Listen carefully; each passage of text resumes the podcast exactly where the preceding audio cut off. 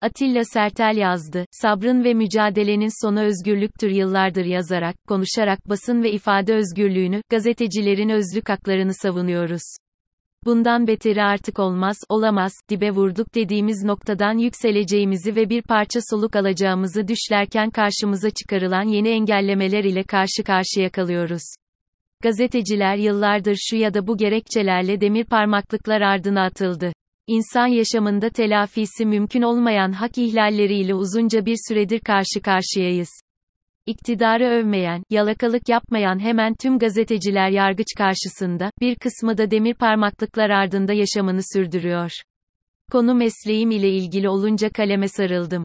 Mevcut yasalarla yargılanan, boş iddianamelerle tutuklanan, cezaya çarptırılan yüzlerce örnek önümüzde dururken, yoruma ve niyete bağlı suçlar ile gazeteciler için hapis cezaları istenen yasal düzenleme meclise geliyor.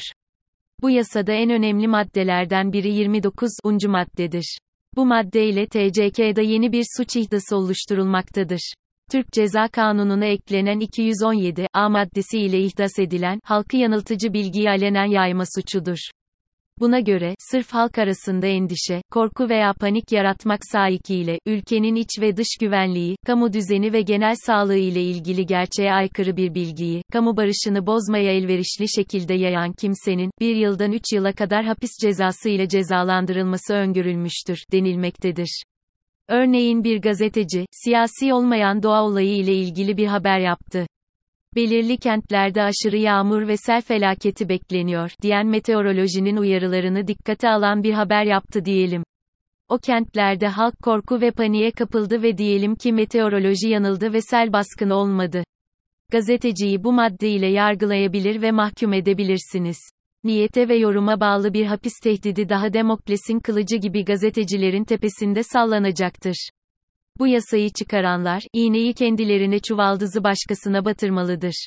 Bir an için düşünün, ya Recep Tayyip Erdoğan gazeteci olsaydı, topluma verdiği ve durmadan tekrarladığı iki haber ile ilgili yargılanmaz mıydı, hapis cezasına çarptırılmaz mıydı? 4 Haziran 2013 tarihli iktidar yalakası yayın organlarında polis müdahalesinden kurtulmak için sığındıkları Dolmabahçe'deki Bezmi Alem Valide Sultan Camii'nde gençlerin bira içtiklerine ilişkin iddiaydı. Erdoğan o tarihte, bütün görüntüler elimizde, görürler merak etmeyin, demişti. Görüntü olmadığı gibi caminin müezzini Fuat Yıldırım tüm baskılara rağmen, burada içki içilmedi. Polis gazından kaçanlar camiye sığındı. Ben camide içki içen görmedim, din adamıyım yalan söyleyemem, demişti. Ortada görüntü olmadığı gibi orada görev gören üstelik din adamının beyanatı vardı. O müezzin daha sonra sürgüne gönderildi. Geçtiğimiz günlerde AKP grup toplantısında gerçek olmayan bu olay gerçekmiş gibi yeniden dile getirildi ve bir tık öteye taşındı. Mevcut yasalarla yargılanan, boş iddianamelerle tutuklanan, cezaya çarptırılan yüzlerce örnek önümüzde dururken, yoruma ve niyete bağlı suçlar ile gazeteciler için hapis cezaları istenen yasal düzenleme meclise geliyor. Bunlar cami yaktılar, denildi. Gazeteci olarak 5, bir K ile soralım. Yanan cami nerede? Ne zaman yakıldı? Niçin yakıldı? Nasıl yaktılar? Neden yaktılar? Kim ya da kimler yaktı? Bu soruların hiçbirinin cevabı yok. Ancak bu konuda en üst düzeyden yapılan konuşmalar var, İşte bu konuşma halkı kin ve nefrete sürükleyen gerçek dışı bir beyandır. Çıkarmak istedikleri yasaya göre de, bugün var olan yasalara göre de suçtur.